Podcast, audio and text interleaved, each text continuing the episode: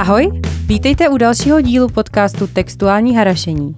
Dnes se podíváme na to, jak to myslela Taylor Swift se svojí písní Antihero. Antihrdina. Pokud si nejste jistí, co přesně znamená antihero, tak je to postava, která nevykazuje typické znaky hrdinů, ale není úplně záporná, spíše kladná. Mně napadá příklad Deadpool. To byl takový troubísek, který byl sice hodný, ale rozhodně to nebyl typický hrdina se vším tím patosem kolem. Taylor se narodila v roce 1989 v americké Pensylvánii. Píseň Antihero vyšla v roce 2022 na album Midnights. Taylor samotná se k písni vyjádřila jako o komentované prohlídce všech věcí, které má tendenci na sobě nenávidět, takže nás čeká nabitá epizoda. U Taylor Swift je super, že ráda o svých písních mluví, takže máme k dispozici spoustu informací přímo od ní z různých rozhovorů. První sloka. I have this thing where I get older, but just never wiser. Midnights become my afternoons. When my depression works the graveyard shift, all of the people I've ghosted stand there in the room. Český překlad. Děje se mi taková věc. Stárnu, ale nemoudřím. Půlnoci se stávají mými odpoledny.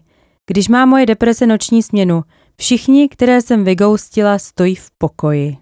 Tady se samozřejmě musíme zastavit u vygoustění. To ghost someone znamená náhle ukončit veškerou komunikaci bez vysvětlení. Když jedna strana přestane reagovat a jako by se stala duchem, prostě zmizí a nechávám jen zobrazeno. Do češtiny pronikl novotvar vygoustovat neboli odignorovat. Dělat mrtvého brouka. Dalo by se říct, že je to rozchod, pro který se samostatně rozhodne jedna strana a druhé to oznámí pouze mlčením. A taky je tady zajímavé graveyard shift, což znamená v překladu doslova hřbitovní směna. Používá se pro označení noční směny. Zřejmě proto, že klid a tma během noční směny připomíná atmosféru hřbitova. Další sloka. I should not be left to my own devices. They come with prices and vices.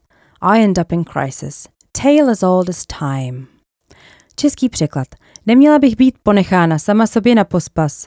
Moje neřesti vytanou a já za to pak zaplatím. Skončím v krizi. Příběh starý jako sám čas. Tady je to celkem přímočaré, podle mě. Autorka nechce být sama, nechce mít zodpovědnost sama za sebe, je si vědomá, že to pak nedopadá dobře. Je pak snadno ovládána svými neřestmi, které zde vnímám zejména jako různé úzkostné myšlenky na minulost či obavy z budoucnosti. Další sloka. I wake up screaming from dreaming. One day I'll watch as you're leaving, cause you got tired of my scheming for the last time. Probudím se s křikem ze snu, že jednoho dne budu koukat, jak mě opouštíš, protože máš plné zuby mých intrik naposled. Nejen bdělý svět autorky se tedy zmítá v pochybách a úzkostech, už i ve spánku ji dohnali. Vzpomenete si, co se vám zdálo naposled? A bylo to příjemné nebo spíš stresující? A mělo to nějakou souvislost s vaším životem? Mně přijde, že když už se mi o něčem zdá, co jsem ve skutečnosti zažila, je to důkaz toho, že mě to opravdu trápí. Pro autorku je typické, že píše texty o vztazích, které měla. Tedy předpovídá, že její poslední rozchod nebyl poslední a bude se v těchto situacích plácat dál. Ale tak zase by měla materiál na další alba. Tak refrén. It's me. Hi. I'm the problem, it's me. At tea time, everybody agrees. I'll stare directly at the sun, but never in the mirror. It must be exhausting always rooting for the anti-hero.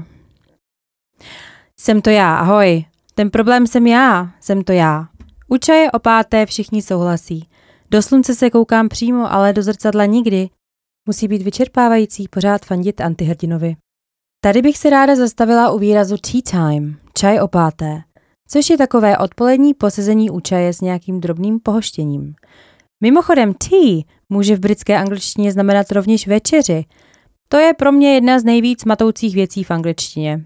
Podařilo se mi pochopit předpřítomný čas i předbudoucí čas. Ale proč se večeři říká, a to ještě jenom někdy tea, to asi nepochopím nikdy. Nicméně, zde to považuji za odkaz na čaj o páté a drobnou narážku na drbny, protože tea může rovněž znamenat drby. Když se vás někdo zeptá, what's the tea, znamená to, že chce vyzvědět všechny možné drby. Chápu to tak, že autorka si je vědoma toho, že lidé si o ní povídají, rozebírají její milostný život, její partu kamarádek, kterou je také pověstná, její váhu, její skandály s káněm. Tím myslím její podivný vztah s raperem jménem Kanye West, asi jste o něm slyšeli, který začal tím, jaký v roce 2009 na předávání cen VMA sebral mikrofon, aby všem oznámil, že Beyoncé je super. A pak v roce 2016, když řešili Kanyeho píseň, ve které chtěl autorku zmínit, Kanyeho tehdejší žena Kim Kardashian, tu určitě taky znáte, pak zveřejnila nahrávku telefonátu, ve kterém autorka tvrdí opak toho, co tvrdila veřejnosti. Ah, ale to odbočuju. Téma Káněho a Kim je tak nějak mohutné a na to tady nemáme prostor. Zpátky k první sloce. To fandění záporákovi chápu jako lehký údiv autorky nad tím, že má pořád nějaké fanoušky a že sama chápe, jak je vyčerpávající být na její straně. Nebo jak vyčerpávající to všem musí připadat, když ji rozebírají. Koukání do slunce jsme řešili i v jedné z epizod tady u Stoneu a jejich Painted Black. Tady u Antihero to chápu jako, že se nechce postavit sama sobě. Podívat se pořádně na svoje pocity, činy a že je jednodušší koukat jinam, třeba až do vesmíru klidně, na slunce. I když to bolí, protože z toho pálí oči. Přesto je to pro autorku jednodušší, než se patlat ve vlastních pocitech. Další sloka. Sometimes I feel like everybody is a sexy baby and I'm a monster on the hill. Too big to hang out, slowly lurching toward your favorite city, pierced through the heart, but never killed. Někdy mám pocit, že všichni jsou sexy kočky a já jsem příšera na kopci. Moc velká, abych měla kámoše. Pomalu se kymácím do vašeho oblíbeného města, srdce mi propíchly, ale nezabili mě. Taylor měří 180 cm a zde ventiluje svoji frustraci z toho, že si připadá příliš vysoká a připodobňuje se k příšeře na kopci.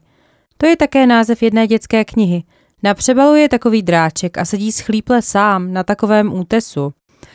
A protože osamělost z toho obrázku úplně čiší, vnímám tady pocit osamění, nejen nějaké ošklivosti. Což je teda super kombinace, jsem hnusná a ještě mě nikdo nemá rád a nechce si se mnou nikdo hrát. Další sloka. Did you hear my covert narcissism I disguise as altruism, like some kind of congressman, a tale as old as time? I wake up screaming from dreaming. One day I'll watch as you're leaving, and life will lose all its meaning for the last time.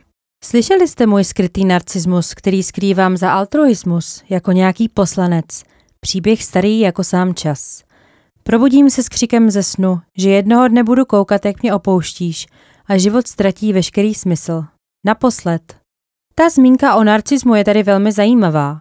Pokud máte představu, že narcis je týpek obdivně na sebe hledící do vody, není to tak prosté, spíš naopak. Je to celkem komplexní téma a pokud vás to zajímá, internety informacemi na toto téma jen překypují. Skrytý narcismus je opak zjevného narcismu a může se projevovat například tím, že se takový člověk věnuje třeba charitě, dává hodně peněz potřebným, ale nedělá to z nějaké vrozené dobročinnosti, ale zcela zjištně, aby byl vnímán jako dobrý, šlechetný, aby v očích ostatních stoupl. Dělá to tedy kvůli své imidži. Mimochodem, altruismus znamená nesobecký přístup, nezištné jednání a jeho protikladem je egoismus. A tu zmínku poslance chápu jako narážku na to, že v politice a ve vysokých funkcích obecně bývá zvýšený počet lidí s narcisistními rysy. Další sloka. I have this dream my daughter-in-law kills me for the money. She thinks I left them in the will. The family gathers round and reads it and then someone screams out. She's laughing up at us from hell. Mám takový sen, že mě moje snacha zabije kvůli penězům. Myslí si, že jsem jim je odkázala.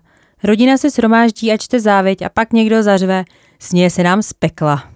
Tady je zajímavé, že už to nejsou jen ostatní lidé, nespříznění krví, kteří autorku nemají rádi a pomlouvají ji, ale už i vlastní rodina se proti ní obrátí a to přímo na jím vlastním pohřbu. Mimochodem, další odkaz na smrt.